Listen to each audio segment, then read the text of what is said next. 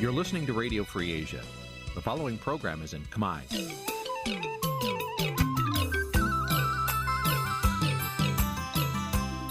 Nǐ chi càm bi tiệp xáy vệt chiu a zì sê ray នេះជាកម្មវិធីផ្សាយរបស់ Vithu Azisari ជាភាសាខ្មែរ វត្តឈូអាស៊ីសេរីសូមស្វាគមន៍លោកអ្នកនាងទាំងអស់ពីរដ្ឋធានី Washington នៃសហរដ្ឋអាមេរិក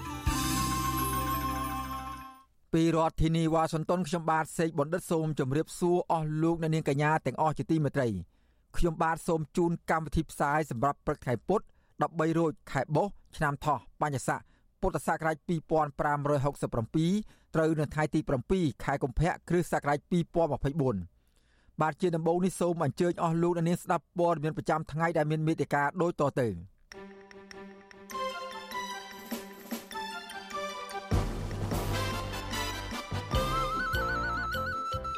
អាញាធរថៃបន្តឃុំខ្លួនជនភៀសខ្លួន2នាក់នៅទីក្រុងបាងកកពលរដ្ឋហួសចិត្តនឹងលោកហ៊ុនសែនដែលប្តឹងទាបប្រាក់កន្លះលានដុល្លារពីមន្ត្រីសិទ្ធិមនុស្សលោកហ៊ុនសែនគម្រាមតាមចាប់ខ្លួនពលរដ្ឋម្នាក់ដែលបញ្ចេញមតិរិះគន់លោកនៅលើបណ្ដាញសង្គម Facebook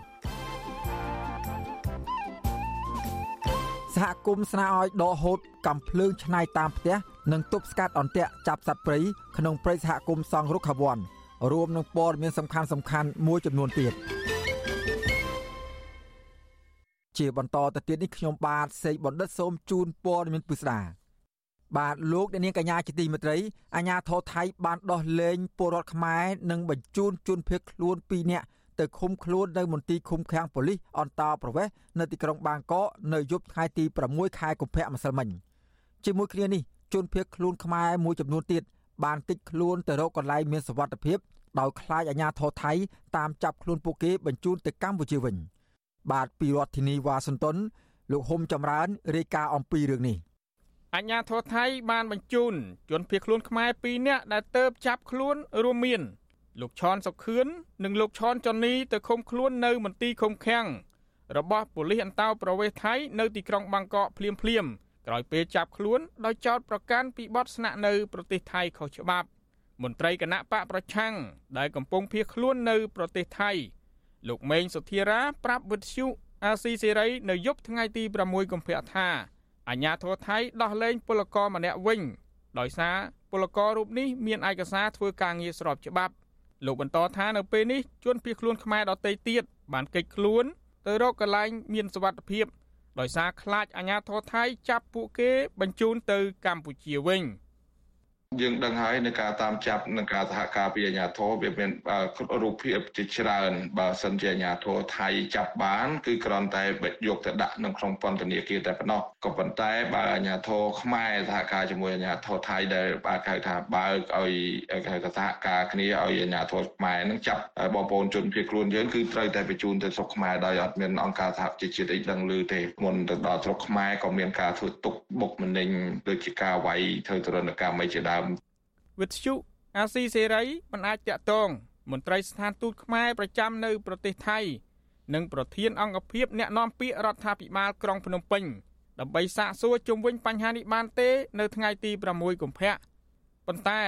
មន្ត្រីស្ថានទូតខ្មែរលោកឈឹមវិបុលសរសេរលើ Facebook របស់លោកថា ស្ទូចក៏បានចាប់ក៏បាន បង្ធំយ៉ាងណាក៏រត់មិនរួចដែរ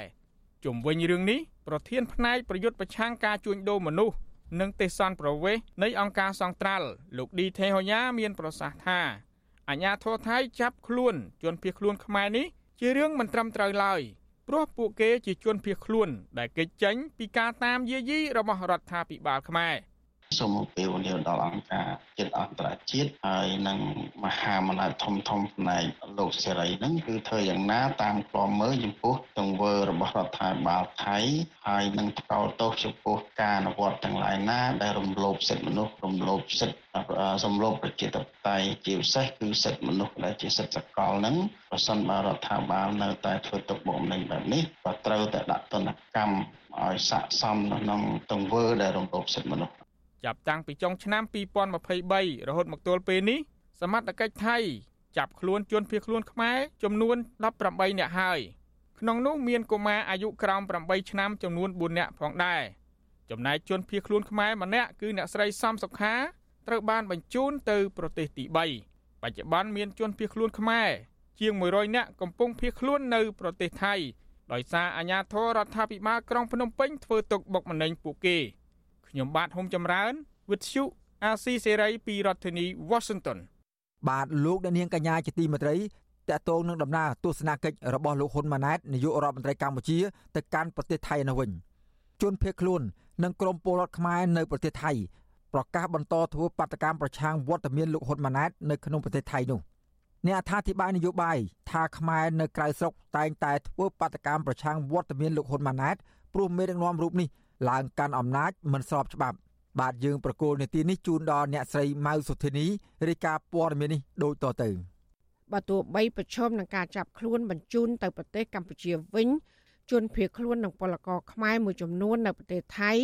នៅតែរក្សាចំហទាមទារប្រឆាំងវត្តមាន របស់លោកនាយករដ្ឋមន្ត្រីហ៊ុនម៉ាណែតដដែលការប្រឆាំងវត្តមានលោកហ៊ុនម៉ាណែតនេះ ក្រមជនភៀសខ្លួននិងក្រមពលករខ្មែរនឹងជួបជុំគ្នាសម្ដែងមតិនៅទីតាំងមួយចំនួននៅក្នុងប្រទេសថៃ និងសម្ដែងមតិនៅតាមបណ្ដាញសង្គម Facebook មន្ត្រីគណៈបកសង្គ្រោះជាតិប្រចាំខេត្តបរសៃហនុដែលកំពុងភៀសខ្លួននៅប្រទេសថៃលោកមេងសុធារា ប្រាប់បច្ចុប្បន្នស៊ីស្រីនៅថ្ងៃទី6ខែកុម្ភៈថាក្រមជនភៀសខ្លួនមានពិធីស្វាគមន៍លោកហ៊ុនម៉ាណែតដែលមិនមែនយកកម្រងផ្កាទៅជូនលោកហ៊ុនម៉ាណែតឡើយ លោកថាក្រមរបស់លោកនៅតែតស៊ូតាមរបៀបផ្សេងផ្សេងគ្នា ដើម្បីទាមទារឲ្យលោកហ៊ុនម៉ាណែត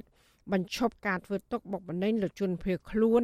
ដោះលែងអ្នកទោសនយោបាយដោះស្រាយវិបត្តិនយោបាយនិងដោះស្រាយបញ្ហាប្រឈមរបស់ពលករខ្មែរនៅប្រទេសថៃជាដើម យើងមានតាមបណ្ដាញសង្គមខ្លះហើយក៏យើងអាចបង្ហាញនៅហៅថារូបភាពនៅខាងក្រៅខ្លះបាទបើយើងខ្លាចរអាវានៅតែមានបញ្ហាដល់ចំពោះបងប្អូនប្រជាពលរដ្ឋយើងដែលជាម្ចាស់ឆ្នោតអញ្ចឹងយើងសំខាន់គឺផលប្រយោជន៍ម្ចាស់ឆ្នោតតែម្ដងក្នុងនាមយើងជាបពប្រឆាំងបាទលោកមេងស្ធិរាឲ្យដឹងទៀតថាក្រុមរបស់លោក បានសហការជាមួយក្រុមបរដ្ឋពី13ខេត្តនៅប្រទេសថៃបូករួមទាំងនៅទីក្រុងបាងកកដែលពួកគាត់នឹងទៀមទាននៅទីតាំងមួយចំនួន ស្តីងគ្នានេះជនភៀសខ្លួនខ្មែរម្នាក់ទៀតលោកស្រីហុងអានប្រាប់ថាលោកស្រីនឹងតស៊ូមតិនៅតាមបណ្ដាញសង្គម Facebook ប្រឆាំងវត្តមានលោកហ៊ុនម៉ាណែតមកប្រទេសថៃនេះដែរលោកស្រីថាមូលហេតុដែលមិនហ៊ានចេញមកក្រៅជួបជុំសម្ដែងមតិព្រោះលោកស្រីបារម្ភពីសុខភាពខណៈដែលនៅរយៈពេលចុងក្រោយនេះ មានការចាប់ខ្លួនជនភៀសខ្លួនជាបន្តបន្ទាប់ ខ្ញុំនឹងប្រឆាំងដាច់ខាតវត្តមានរបស់ហ៊ុនម៉ាណែតដែលជានាយករដ្ឋមន្ត្រី បន្តពូជហើយជានាយករដ្ឋមន្ត្រីផ្ដាច់ការពុករលួយបពពួកនិយមគឺពួកខ្ញុំជាជនជាតិខ្មែរគឺមិនទទួលស្គាល់ជាដាច់ខាតហើយមិនអបអរសាទរដែលមកជន់លើទឹកដីប្រទេសគេដែលមានលទ្ធិប្រជាធិបតេយ្យពិតប្រាកដទេចា៎លោកនាយករដ្ឋមន្ត្រីហ៊ុនម៉ាណែតក្រុងទៅបំពេញទស្សនកិច្ចនៅទីក្រុងបាងកកនៅថ្ងៃទី7ខែកុម្ភៈដើម្បីជជែក ជាមួយនាយករដ្ឋមន្ត្រីថៃលោកសេដ្ឋាថាវិនសិនតាក់ទងនឹងកិច្ចសហប្រតិបត្តិការទ្វេភាគីក្នុងវិស័យពាណិជ្ជកម្មនិងបញ្ហាព្រំដែនអ្នកអត្ថាធិប្បាយនយោបាយលោកកឹមសុខយល់ថាមូលហេតុដែលជំរុញឲ្យខ្មែរនៅក្រៅស្រុកតែងតែធ្វើបដកម្មប្រឆាំងវត្តមានលោកហ៊ុនម៉ាណែតព្រោះមេដឹកនាំរូបនេះឡើងកាន់អំណាចតាមរយៈការបោះឆ្នោតមួយដែលគ្មានគណៈបកប្រឆាំងចូលរួម លោកថាលោកហ៊ុនម៉ាណែតប្រសិនបើមិនព្យាយាមដោះស្រាយបញ្ហាសិទ្ធិមនុស្សនិងវិបត្តិនយោបាយទេ នៅពេលដែលលោកចេញទៅធ្វើទស្សនកិច្ចនៅក្រៅប្រទេសទៀតខ្មែរនៅប្រទេសនោះ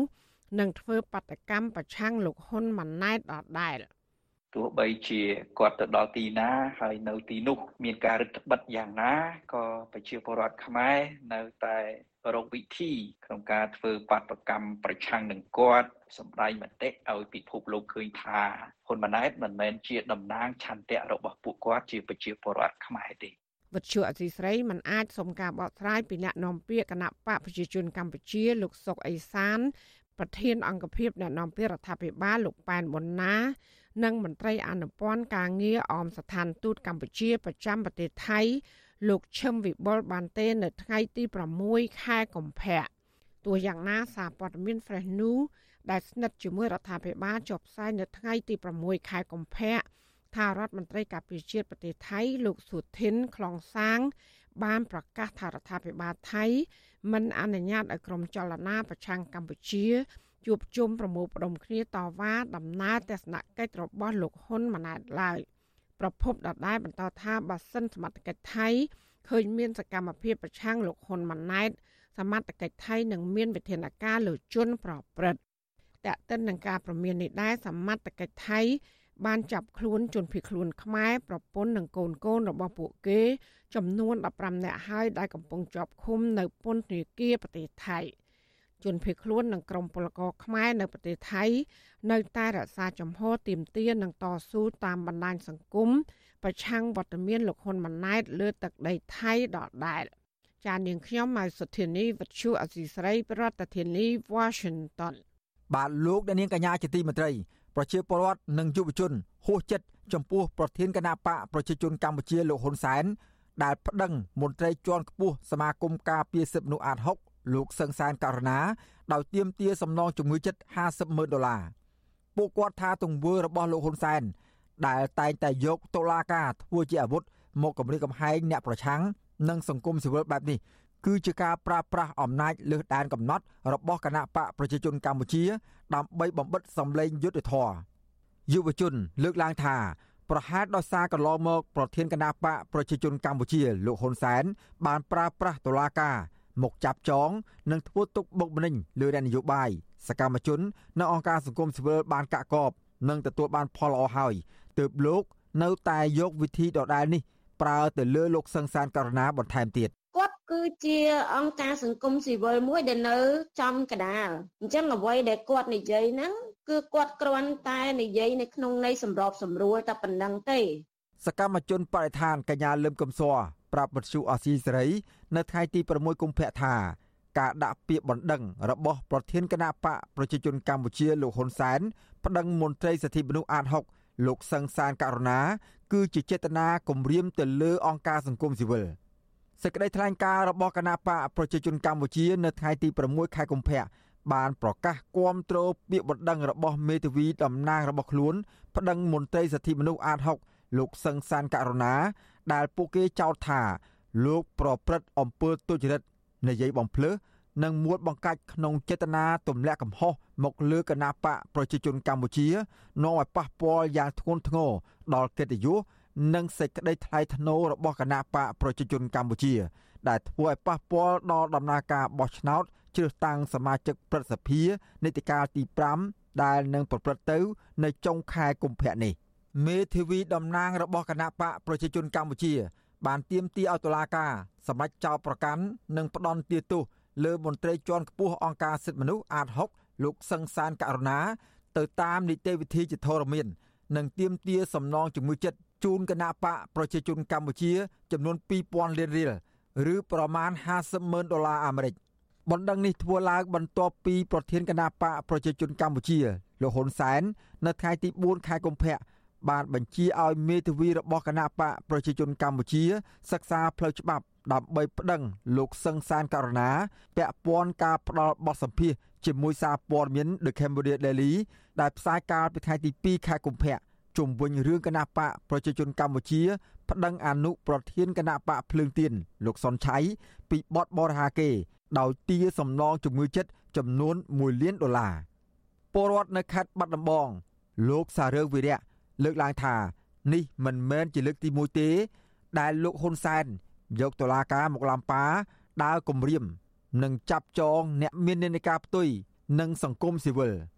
លោកបន្តថាវិធីរបស់លោកហ៊ុនសែនដែលតែងតែប្រើប្រាស់គម្រាមអ្នកដទៃ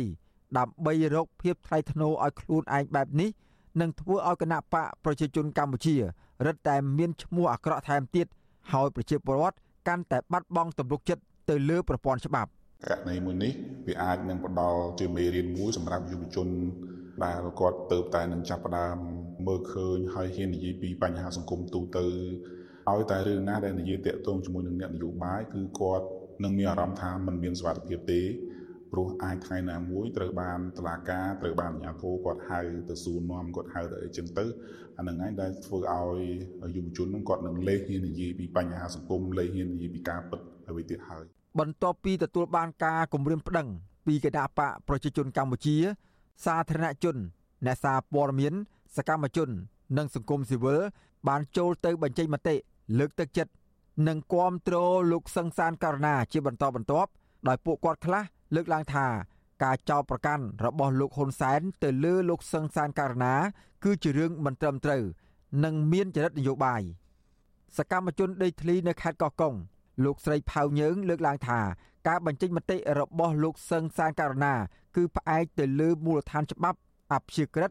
ហើយលោកតែងតែលើកឡើង ជាសំណើជំរុញឲ្យរដ្ឋាភិបាលដោះស្រាយបញ្ហាដោយតម្លាភាពនិងយុត្តិធម៌ បើសិនតែប្រទេសប្រកាន់នៅលទ្ធិប្រជាធិបតេយ្យពិតគឺគេអត់ធ្វើចឹងទេគេគេអត់ប្តឹងពលរដ្ឋខ្លួនឯងឬក៏ជនណាមួយដែលគាត់ជាអ្នកកែលម្អក្នុងស្ថានភាពរឿងនយោបាយឬក៏ពលរដ្ឋក្នុងប្រទេសខ្លួនឯងអីចឹងទេពីព្រោះថា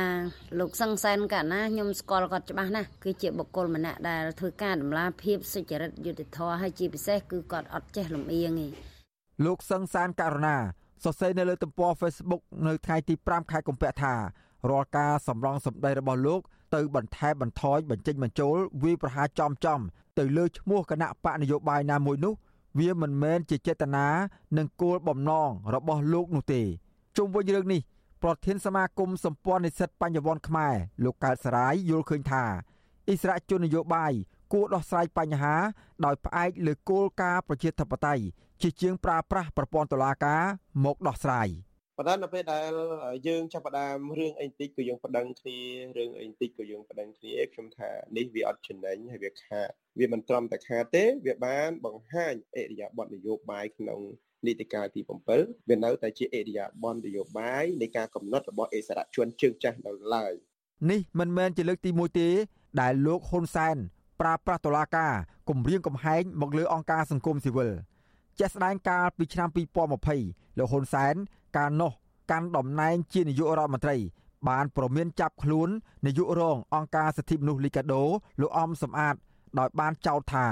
អ្នកឃ្លាំមើលសិទ្ធិមនុស្សរូបនេះនិយាយការពីអ្នកផ្សព្វផ្សាយព័ត៌មានមិនពិត ពីជំងឺ Covid-19 តាមរយៈបណ្ដាញសារព័ត៌មាន។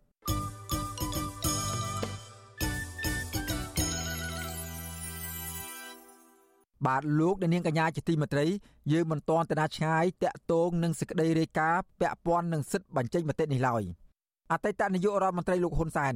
គំរាមតាមចាប់ខ្លួនពលរដ្ឋម្នាក់ដែលបញ្ចេញមតិរិះគន់លោកនៅលើបណ្ដាញសង្គម Facebook រឿងយកតុលាការធ្វើជាឧបករណ៍ដើម្បីប្តឹងមន្ត្រីការពារសិទ្ធិមនុស្សអាត6លោកសឹងសានករណាមន្ត្រីសង្គមស៊ីវិលលើកឡើងថា នៅក្នុងសង្គមប្រជាធិបតេយ្យអ្នកដឹកនាំគួរបើកចិត្ត ទទួលយកបន្ទាក់រិះគន់ពីមជ្ឈដ្ឋាននានាដើម្បីយកទៅកែលម្អការដឹកនាំប្រទេសបាទលោកច័ន្ទដារ៉ូរាយការណ៍អំពីរឿងនេះអតីតនាយករដ្ឋមន្ត្រីលោកហ៊ុនសែនគម្រាមតាមចាប់ខ្លួនម្ចាស់គណនី Facebook ម្នាក់ឈ្មោះសៀងហៃហេងដែលចូលទៅបញ្ចេញមតិរិះគន់រឿងលោកប្តឹងមន្ត្រីសិទ្ធិមនុស្សអាត6ប្រតិកម្មរបស់លោកហ៊ុនសែននេះ គឺបន្ទាប់ពីលោកបានបង្ហោះសារនៅលើបណ្ដាញសង្គម Facebook កាលពីថ្ងៃទី4ខែកុម្ភៈដោយបញ្ជាឲ្យមេធាវីគណៈបកកណ្ដាលអំណាចសិក្សាផ្លូវច្បាប់ប្តឹងមន្ត្រីសិទ្ធិមនុស្សអាត់ហុកលោកសឹងសែនករណាទៅតុលាការចំពោះការអត្ថាធិប្បាយជុំវិញគណៈបកកណ្ដាលអំណាចប្តឹងអនុប្រធានគណៈបកភ្លើងទៀនលោកសុនឆៃកន្លងទៅប៉ុន្តែករណីនេះត្រូវបានប្រជាពលរដ្ឋមួយចំនួនឆ្លើយតបឌឺដងប្រងព្រាតនៅលើបណ្ដាញសង្គម ដោយពួកគេថាលោកហ៊ុនសែនកំពុងយកប្រព័ន្ធច្បាប់ធ្វើជាឧបករណ៍នយោបាយសម្រាប់ដាក់សម្ពាធលើអ្នកបញ្ចេញមតិដូចជាអ្នកលេង Facebook ម្នាក់ឈ្មោះសៀងហៃហេង បានសរសេរថាបើគ្មានមូលដ្ឋានច្បាប់សម្ដេចអាចបង្កើតបានតើសម្ដេចពីព្រោះច្បាប់ឥឡូវនៅលើបបោមាត់របស់សម្ដេចហើយភ្លាមភ្លាមនោះលោកហ៊ុនសែនបានគម្រាមទៅវិញថាបាននៅក្នុងប្រទេសត្រៀមរត់ឲ្យលឿនម្ចាស់គណនី Facebook សៀងហៃហេង គឺលោកហាច់កំហែងប្រាប់វັດជូអាស៊ីសេរីនៅថ្ងៃទី6ខែកុម្ភៈថាមូលហេតុដែលជំរុញឲ្យលោកហ៊ានបញ្ចេញមតិពីព្រោះលោកមើលឃើញថាលោកហ៊ុនសែនកំពុងប្រព្រឹត្តអំពើខុសឆ្គងនៅក្នុងសង្គមដោយប្រើមាត់ធ្វើជាច្បាប់ ទៅគៀបសង្កត់គំរាមកំហែងនឹងចោតប្រកាន់មន្ត្រីសិទ្ធិមនុស្សអ្នកនយោបាយនិងប្រជាពលរដ្ឋស្លូតត្រង់តាមអំពើចិត្តលោកយល់ថាសាររបស់លោកហ៊ុនសែននេះបើសិនរូបលោករស់នៅក្នុងប្រទេសវិញ គឺគិតមិនផុតពីជាប់ពន្ធនាគារនោះទេ លោកហាចកំហែងចាត់ទុកការគម្រាមចាប់លោកញាត់គុកគឺជាទង្វើផ្ដាច់ការ និងរំលោភសិទ្ធិសេរីភាពបញ្ចេញមតិរបស់ពលរដ្ឋខ្មែរប្រព័ន្ធយុទ្ធធម៌ទាំងអស់ហ្នឹងជាឧបករណ៍របស់លោកហ៊ុនសែនទាំងអស់ហ្នឹងគាត់ចង់ធ្វើអីគាត់មិនគាត់ចង់ឲ្យណារស់រស់ណាចង់ឲ្យណាងាប់ងាប់តាមចិត្តគាត់ប្រព័ន្ធយុទ្ធធម៌ហ្នឹងគឺសរោហើយមានតែយុទ្ធធម៌សម្រាប់អ្នកមតិផ្ទុយពីគាត់យូរហេតុហើយគ្រាន់តែយើងជាប្រជាជនសាមញ្ញធម្មតាបញ្ចេញមតិបន្តិចបន្តួចគាត់គម្រាមកំហែងដល់ថ្នាក់ហ្នឹងហើយគាត់គិតថាប្រទេសខ្មែរហ្នឹងជាប្រទេសរបស់គ្រួសារតកូលរបស់គាត់ហើយប្រហែលជាគាត់គិតអញ្ចឹងបានគេគាត់ចង់ដេញជាបរិបទឲ្យចេញក្រៅប្រទេសអស់ លោកហ៊ុនសែនតែងតែប្រើ Facebook ដើម្បីគម្រាមកំហែងតាមចាប់អ្នកដែលហ៊ានចូលរិះគន់រូបលោកកន្លងទៅ លោកមិនត្រឹមតែខ្លាចការរិះគន់នោះទេសូម្បីតែយុវជនសួងនិពន្ធចូលបញ្ចេញមតិឌឺដងរឿងលោកភ្នាល់បាល់ពិភពលោកចាញ់គេក៏លោកខឹងសម្បាប្រកាសតាមរឹកឪពុកម្ដាយយុវជនរូបនោះទៅដល់ផ្ទះដែរចំណែកសកម្មជនគណៈបកប្រឆាំងភៀសខ្លួននៅថៃដែលចូលបញ្ចេញមតិនៅលើ Facebook ក៏លោកហ៊ុនសែន បញ្ជាអាជ្ញាធរតាមចាប់បញ្ជូនពួកគេយកមកដាក់ពន្ធនាគារនៅស្រុកខ្មែរវិញផងដែរជុំវិញរឿងនេះប្រធានសមាគមសម្ព័ន្ធនិស្សិតបញ្ញវន្តខ្មែរលោកកើតសរាយមានប្រសាសន៍ថាពលរដ្ឋរស់នៅក្នុងសង្គមប្រជាធិបតេយ្យមានសិទ្ធិសេរីភាពពេញលេញក្នុងការសម្ដែងមតិឬបញ្ចេញទស្សនៈដោយគ្មានការភ័យខ្លាច ការគំរាមកំហែងដើម្បីជំរុញឲ្យមេដឹកនាំប្រទេសយកទៅពិនិត្យដោះស្រាយនិងកែលម្អចំណុចខ្វះខាតឲ្យល្អប្រសើរឡើង ប៉ុន្តែលោកសោកស្ដាយអ្នកដែលបញ្ចេញមតិតែងតែរងការចោទប្រកាន់ចាប់ខ្លួននិងប្តឹងទាមទារសំណងលើសលប់ជាបន្តបន្ទាប់ដែលករណីទាំងនេះធ្វើឲ្យប្រជាពលរដ្ឋភ័យខ្លាចក្នុងការបញ្ចេញមតិយោបល់តទៅទៀត ការវិហិការឬក៏ការរៀបរៀងការរដ្ឋបတ်ទៅលើការបញ្ចេញមតិការចូលរួមរបស់ពលរដ្ឋវានឹងមិនចំណេញហើយវានឹងធ្វើឲ្យមានវិបត្តិសង្គមពីមួយថ្ងៃទៅមួយថ្ងៃហើយខ្ញុំក៏បញ្ជាក់ជូនទេខ្ញុំជូនជាអនុសាសន៍មួយទេមនុស្សមិនមែនជាសត្វគោទេសត្វគោកាន់តែវ័យកាន់តែធ្វើបាបវាកាន់តែខ្លាចលូតក្រាបណាមនុស្សបើសិនបើជាធ្វើឲ្យកាន់តែក្តៅក្រហាយធ្វើឲ្យកាន់តែមិនសប្បាយចិត្តពីមួយថ្ងៃទៅថ្ងៃព្រោះមនុស្សចេះគិតមនុស្សវាចេះពិចារណាដូច្នេះចង់មិនចង់វានឹងមិនជួយដល់កិច្ចការងារនៅក្នុងការរក្សាឲ្យបាននូវស្ថិរភាពនិងសន្តិភាពសង្គមទេបាទវិទ្យុអាស៊ីសេរីមិនអាចតេតឹងแนะនាំពាក្យគណៈបកកណ្ដាលអំណាចលោកសុកអេសាន ដើម្បីឆ្លើយតបរឿងនេះបានទេនៅថ្ងៃទី6ខែកុម្ភៈសិទ្ធិសេរីភាពបញ្ចេញមតិត្រូវបានធានាដោយរដ្ឋធម្មនុញ្ញនិងច្បាប់សិទ្ធិមនុស្សអន្តរជាតិហើយជនគ្រប់រូបមានសិទ្ធិសម្ដែងកង្វល់និងទស្សនៈរបស់ខ្លួនដោយសេរីគ្មានការជ្រៀតជ្រែកពីរដ្ឋាភិបាលមិនតែប៉ុណ្ណោះពលរដ្ឋក៏មានសិទ្ធិក្នុងការស្វែងរក ទទួល និងចែកចាយព័ត៌មានឬគំនិតគ្រប់យ៉ាងតាមមធ្យោបាយគ្រប់ទម្រង់ផ្សេងផ្សេងគ្នា កាលពីពេលថ្មីថ្មីនេះមជ្ឈមណ្ឌលសិទ្ធិមនុស្សកម្ពុជាបានចេញរបាយការណ៍រកឃើញថាសេរីភាពបញ្ចេញមតិនិងសិទ្ធិទទួលបានព័ត៌មានទទួលរងការរឹតបន្តឹងកាន់តែខ្លាំងឡើងខ្លាំងឡើងចាប់តាំងពីមុនការបោះឆ្នោតថ្នាក់ជាតិកាលពីខែកក្កដាកន្លងទៅ ពួកគេស្នើឲ្យរដ្ឋាភិបាលបញ្ឈប់ជាបន្ទាន់ នៅការគម្រាមកំហែងទៅលើសិទ្ធិសេរីភាពរបស់ពលរដ្ឋទាំងនេះ។ខ្ញុំបាទច័ន្ទដារោវុទ្ធុអាស៊ីសេរីបាទលោកនាងកញ្ញាជាទីមេត្រីរដ្ឋាភិបាល តែងតាំងមេអង្គរៈរបស់លោកហ៊ុនសែនគឺលោកហ៊ីងប៊ុនហៀងដែលជាប់ឈ្មោះអាក្រក់ថាជាអ្នករំលោភសិទ្ធិមនុស្សនិងចូលចិត្តប្រើហិង្សាឲ្យធ្វើជាឧត្តមប្រឹក្សាសម្ដេចព្រះសង្ឃរាជនិងថេរសភាព្រះពុទ្ធសាសនានៃប្រទេសកម្ពុជា អ្នកខ្លំមើលថានេះជាការតែងតាំងខុសមនុស្សព្រោះលោកហ៊ីងប៊ុនហៀងជាមនុស្សហិង្សានិងគ្មានចំណេះដឹងជ្រៅជ្រះផ្នែកព្រះពុទ្ធសាសនានោះឡើយបាទយើងប្រកូលនាទីនេះជូនដល់កញ្ញាខណ្ឌលក្ខណារាយការណ៍ជូនលោកនាងអំពីរឿងនេះដូចតទៅ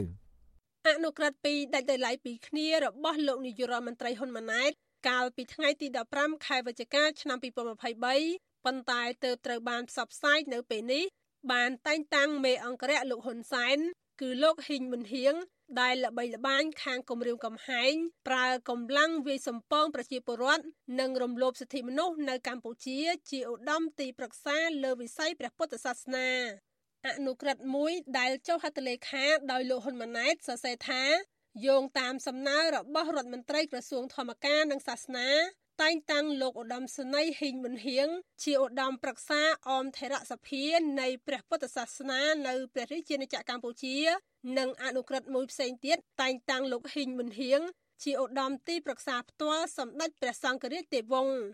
អនុក្រឹត្យតែងតាំងនេះគឺជាការតែងតាំងឡើងវិញ ក្នុងរដ្ឋាភិបាលថ្មីនៃលោកហ៊ុនម៉ាណែត កាលពីរដ្ឋាភិបាលចាស់ដែលដឹកនាំដោយលោកហ៊ុនសែនជាឪពុកក៏ធ្លាប់តែងតាំងលោកហ៊ីងប៊ុនហៀងជាឧត្តមប្រឹក្សាសម្ដេចសង្ឃរាជគណៈមហានិកាយទេពវង្សនិងសម្ដេចសង្ឃរាជគណៈធម្មយុត្តិទេកនិកាយប៊ូគ្រីឆ្នាំ2020វត្តជអាស៊ីសេរីមិនអាចសុំការអធិប្បាយបញ្ហានេះពីប្រធានអង្គភិបអ្នកណែនាំពាក្យរដ្ឋាភិបាលលោកប៉ែនបូណានិងអ្នកនាំពាក្យក្រសួងធម្មការនិងសាសនាលោកសេងសុមនីព្រមទាំងលោកហ៊ីងប៊ុនហៀង មេបញ្ជាការនៃអគ្គមេបញ្ជាការដ្ឋានកងអង្គរៈលោកហ៊ុនសែនបានទេ នៅថ្ងៃទី6កុម្ភៈដោយទូរស័ព្ទចូលគ្មានអ្នកទទួលប្រធានសមាគមសម្ព័ន្ធនិស្សិតបញ្ញវន្តខ្មែរលោកកៅសរាយដែលធ្លាប់បួសជាព្រះសង្ឃប្រាប់វិសុអសីសេរីនៅថ្ងៃទី6កុម្ភៈថាលោកមិនបដិសេធសម្រាប់វត្តមានជាឧត្តមប្រឹក្សាទេប៉ុន្តែលោកថា អ្នកដែលត្រូវតែងតាំងក្នុងតំណែងនេះគួរតែជាមនុស្សដែលមានការយល់ដឹងស៊ីជម្រៅអំពីព្រះពុទ្ធសាសនាឲ្យទៅធ្វើកិច្ចការក្នុងស្ថាប័នសាសនាទើបអាចជួយដោះស្រាយការងារសាសនាប្រកបដោយប្រសិទ្ធភាពខ្ពស់តាមខ្ញុំដឹងហ្នឹងលោកហ៊ីប៊ុនហៀងគាត់ដូចជាមិនមានសមត្ថភាពស៊ីជម្រៅទៅលើផ្នែកពុទ្ធសាសនាអីទេដូច្នេះការដែលដាក់គាត់ទៅហ្នឹងហើយខ្ញុំមើលឃើញថាវាវាមិន វាមិនត្រូវនឹងជំនាញគាត់វាមិនត្រូវនឹងចំណុចខ្លាំងរបស់គាត់ទៅបានណាដូច្នេះខ្ញុំលើកទឹកចិត្តថាគួរតែដាក់នៅធនធានណាដែលគេមានជំនាញគេមានការយល់ដឹងស៊ីជម្រៅទៅលើផ្នែកសាសនាហ្នឹងឲ្យចូលទៅបម្រើក្នុងកិច្ចការផ្នែកសាសនាហ្នឹងនឹងជាទៅជារឿងល្អបាទ លោកហ៊ីងមុនហៀងត្រូវបានការិយាល័យសាធារណៈនៃនាយកដ្ឋានរដ្ឋាភិបាលអាមេរិកប្រកាសកាលពីថ្ងៃទី12ខែមិថុនាឆ្នាំ2018ដាក់ក្នុងបញ្ជីខ្មៅនៃបុគ្គលដែលរងទណ្ឌកម្មបង្កកទ្រព្យសម្បត្តិក្រោមច្បាប់ Global Magnitsky ដោយសារតែជាប់ពាក់ព័ន្ធក្នុងការរំលោភសិទ្ធិមនុស្សនិងប្រជាធិបតេយ្យនៅកម្ពុជា សហរដ្ឋអាមេរិករកឃើញថាលោកហ៊ីងមិនហៀងរំលោភសិទ្ធិមនុស្សធ្ងន់ធ្ងរក្នុងរយៈពេលជាច្រើនឆ្នាំចុងក្រោយនេះរួមទាំងអំពើហិង្សានៅឆ្នាំ2013នៅក្បែរវត្តភ្នំក្នុងហេតុការណ៍វាយបង្ក្រាបបាតកោគាំទ្រគណៈបកប្រឆាំងចេញពីទីលានប្រជាធិបតេយ្យនិងអំពើហិង្សាវាយដំតំណាងរាស្ត្រគណៈបកប្រឆាំងពីររូបនៅមុខរដ្ឋសភាកាលពីឆ្នាំ2015 របាយការណ៍របស់រដ្ឋាភិបាលអាមេរិកដដែលថាមេអង្គរៈលោកហ៊ុនសែនរូបនេះក៏ជាប់ពាក់ព័ន្ធនឹងការបោកគ្រាប់បែកលើអ្នកតវ៉ាអហិង្សា ដឹកនាំដោយគណៈបកប្រឆាំងកាលពីឆ្នាំ1997ដែលធ្វើឲ្យស្លាប់និងរបួសមនុស្សជាច្រើនអ្នករួមទាំងរបួសជនជាតិអាមេរិកមួយរូបផងប្រធានក្រុមប្រឹក្សាឃ្លាំមើលកម្ពុជាលោកម៉ែនណាត លើកឡើងថាការតែងតាំងលោកហ៊ីងប៊ុនហៀងជាឧត្តមប្រឹក្សាសម្ដេចសង្ឃរាជ គឺជាការតែងតាំងមនុស្សខុសនិងធ្វើឲ្យខូចតម្លៃព្រះពុទ្ធសាសនា ដោយលោកក៏សម្គាល់ថាលោកហ៊ីងប៊ុនហៀងមិនមែនជាអ្នកប្រតិបត្តិតាមពាក្យទូមានព្រានប្រដៅរបស់ព្រះពុទ្ធសាសនានោះទេប៉ុន្តែជាមនុស្សដែលជាប់ពាក់ព័ន្ធអំពើមិនសុចរិតគ្មានសិលធម៌គ្មានគុណធម៌និងក្អេងក្អាងដោយការប្រើហិង្សារហូតល្បីឈ្មោះអាក្រក់ដល់អន្តរជាតិហើយជាពិសេសមិនទាន់ឃើញកាយខ្លួននៅឡើយ តាំងចិត្តថាប្រតិបត្តិបានទទួលយកចុះតែសូមឲ្យធ្វើសេចក្តីប្រកាសជាអរិទ្ធថាខមាទោសអហោសកម្មរឿងទាំងឡាយណាទាំងពួងទាំងឡាយដែលគាត់ធ្លាប់បានធ្វើខុសឆ្គងកន្លងទៅហ្នឹងហើយមួយទៀតបើថាគាត់ដើរដើរលើវិស័យហ្នឹងគាត់ត្រូវតែដើរលើផ្លូវត្រូវហ្នឹងឲ្យបានទៀងទាត់ទៅដើម្បីជាប្រយោជន៍ដល់មនុស្សដទៃទៀតប៉ុន្តែយើងយើងវាមិនជឿយើងនៅតែមិនជឿថាមនុស្សដែលដូចហ៊ីមានហ៊ានហ្នឹងអាច ខ្លាចជាមនុស្សដែលប្រតិបត្តិអីត្រឹមត្រូវទេយើងអត់ជឿទេអញ្ចឹងបានថាទោះបីយើងយើងតម្រង់ទិសក៏ដោយប៉ុន្តែក្នុងចិត្តយើងយើងនៅគិតថាគាត់មិនមែនជាបុគ្គលដ៏ប្រសើរក្នុងការប្រតិបត្តិណា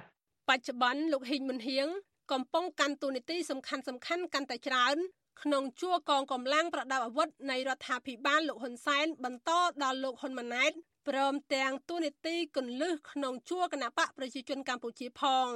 ក្នុងគណៈបកប្រជាជនកម្ពុជាលោកហ៊ីងមុនហៀងគឺជាប្រធានគណៈកម្មាធិការគណៈបកនៃខុទ្ទកាល័យលោកហ៊ុនសែនបន្ថែមលើការងារជានាយករងខុទ្ទកាល័យប្រធានគណៈបកប្រជាជនកម្ពុជាក្នុងក្របខ័ណ្ឌកងកម្លាំងប្រដាប់អាវុធលោកហ៊ីងមុនហៀងនៅតែជាអគ្គមេបញ្ជាការរងនៃកងយុទ្ធពលខេមរៈភូមិន្ទនិងជាមេបញ្ជាការនៃអគ្គមេបញ្ជាការដ្ឋានអង្គរៈនាយករដ្ឋមន្ត្រីដែលមានអំណាចលើសលប់លើមេបញ្ជាការកងទ័ពផ្សេងៗ ក្រៅពីនេះលោកហ៊ីងមុនហៀងតែងតែចេញមុខប្រកាសគម្រាមទប់ស្កាត់ការតវ៉ានានារបស់ប្រជាពលរដ្ឋដែលមានមតិផ្ទុយឬមានបំណងចេញតវ៉ាប្រឆាំងនឹងការដឹកនាំរបស់រដ្ឋាភិបាលបច្ចុប្បន្នខ្ញុំខណ្ឌលក្ខណាវັດឈិវអាស៊ីសេរី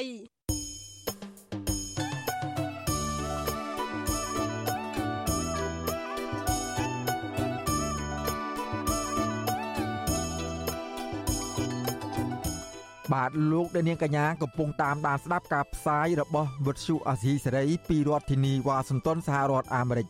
ក្រៅពីអស់លោកអ្នកនាង តាមដានស្ដាប់ការផ្សាយរបស់យើងខ្ញុំតាមរយៈបណ្ដាញសង្គមមាន Facebook YouTube និង Telegram ជាដើមនោះលោកអ្នកនាងក៏អាចស្ដាប់ការផ្សាយរបស់វិទ្យុអាស៊ីសេរីតាមរយៈវិទ្យុរលកធាតុអាកាសខ្លី ដែលមានកម្រិតនិងកម្ពស់ដូចតទៅនេះពេលព្រឹកចាប់ពីម៉ោង5កន្លះដល់ម៉ោង6កន្លះ តាមរយៈប៉ុស SW 93.90 MHz ស្មើនឹងកម្ពស់ 32m និងប៉ុស SW 11.85 MHz ស្មើនឹងកម្ពស់ 25m ពេលយប់ចាប់ពីម៉ោង7កន្លះដល់ម៉ោង8កន្លះតាមរយៈប៉ុស SW 93.30 MHz ស្មើនឹងកម្ពស់ 32m ប៉ុស SW 11.88 MHz ស្មើនឹងកម្ពស់ 25m និងប៉ុស SW 15.15 MHz ស្មើនឹងកម្ពស់ 20m បាទសូមអរគុណ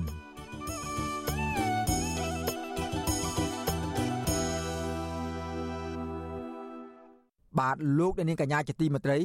យើងក៏លេចទៅមើលបញ្ហាបរិស្ថាន និងសត្វព្រៃវិញម្ដងប្រជាសហគមន៍ព្រៃសង់រុក្ខាវ័នស្នើសុំអាជ្ញាធរខេត្តឧត្តរមានជ័យពង្រឹងវិធានការដកហូតកំភ្លើងកែច្នៃតាមផ្ទះអ្នកភូមិ និងទប់ស្កាត់អន្ទាក់ចាប់សត្វព្រៃឲ្យបានគ្រប់ប្រភេទពលរដ្ឋអះអាងថាក្រមជលល្មើសនៅតែបន្តប្រើប្រាស់កំភ្លើងកែច្នៃនិងដាក់អន្ទាក់សម្រាប់សត្វព្រៃនៅក្នុងព្រៃសង់រុក្ខាវ័នជាបន្តបន្ទាប់បាទអ្នកស្រីម៉ៅសុធានីមានសេចក្តីរាយការណ៍មួយទៀតជុំវិញព័ត៌មាននេះបើទោះបីជារដ្ឋាភិបាលបានចេញវិធានការតឹងរឹង ទប់ស្កាត់និងដាក់បំរាមមិនឲ្យប្រើប្រាស់កំភ្លើងកែច្នៃសម្រាប់សត្វព្រៃប៉ុន្តែប្រជាសហគមន៍សង្កេតឃើញថាបរិវត្តមួយចំនួន នៅតែប្រើប្រាស់ឧបករណ៍នេះដោយលួចលាក់ដើម្បីលបបបាញ់សត្វព្រៃនៅក្នុងតំបន់ព្រៃសហគមន៍សង្រុកវ័ននិងតំបន់អភិរក្សផ្សេងផ្សេងទៀតពជាសហគមន៍បារម្ភថាកំភ្លើងកែច្នៃពុំមែនប្រឈមតែសត្វព្រៃប៉ុណ្ណោះទេអ្នកការពារព្រៃឈើ ក៏កំពុងប្រឈមសវត្ថភាពដែរនៅពេលដែលពួកគាត់ចុះល្បាតព្រៃម្ដងម្ដងគាត់ចាប់បាត់ល្មើសមាជិកប្រិយសហគមន៍សង្ឃរុកវ័នបដិជគុណតោនប៊ុនលីន មានតរតការនៅថ្ងៃទី6ខែកុម្ភៈថាអ្នកភូមិមួយចំនួនរស់នៅជាប់ប្រិយសហគមន៍នៅតែប្រើប្រាស់កំភ្លើងកែច្នៃដ៏លួចលាក់និងតែងតែលបបបាញ់សត្វព្រៃធ្វើអាជីវកម្ម ព្រះអង្គមានតរតការបន្ថែមថាកំភ្លើងកែច្នៃមានសមត្ថភាពសម្រាប់ជីវិតសត្វនិងមនុស្សយ៉ាងសាហាវដូចជាកំភ្លើងពិតដែរហើយក្រុមជនល្មើស